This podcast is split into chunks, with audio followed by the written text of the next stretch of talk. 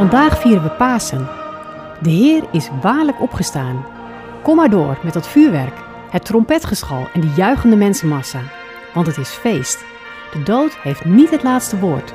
Het kwaad is overwonnen. Voor jou, voor mij. Maar wacht heel even. In Johannes 20, vers 1 tot en met 8 lezen we iets anders. Maria Magdalena gaat in de vroege ochtend naar het graf. Het is nog donker. Het enige dat ze misschien hoorde waren haar eigen voetstappen en het gefluit van ontwakende vogels. Wonderlijk, vind je niet? De belangrijkste gebeurtenis in onze geschiedenis voltrekt zich in stilte.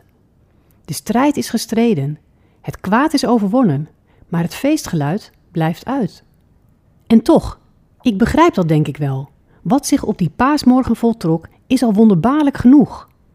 Jezus' opstanding heeft geen verdere aankleding, versterking of opsmuk nodig. Hij overwon de dood.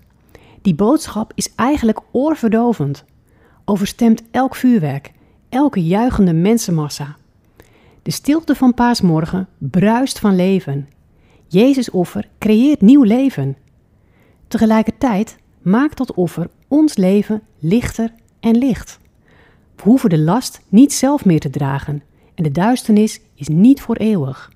Juist als het leven je aangrijpt, het donker voelt, mag die belofte houvast geven.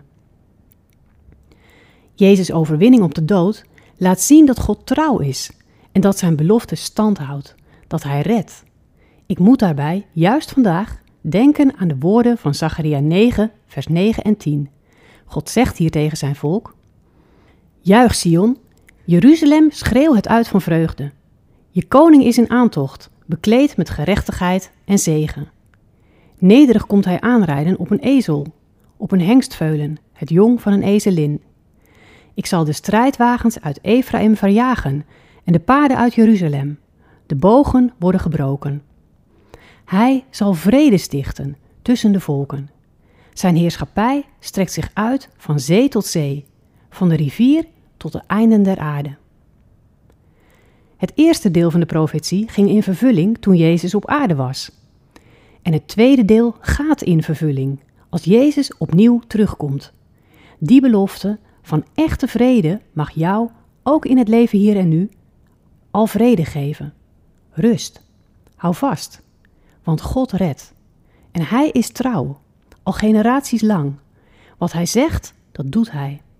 Daar mag elk paasfeest ons weer aan herinneren.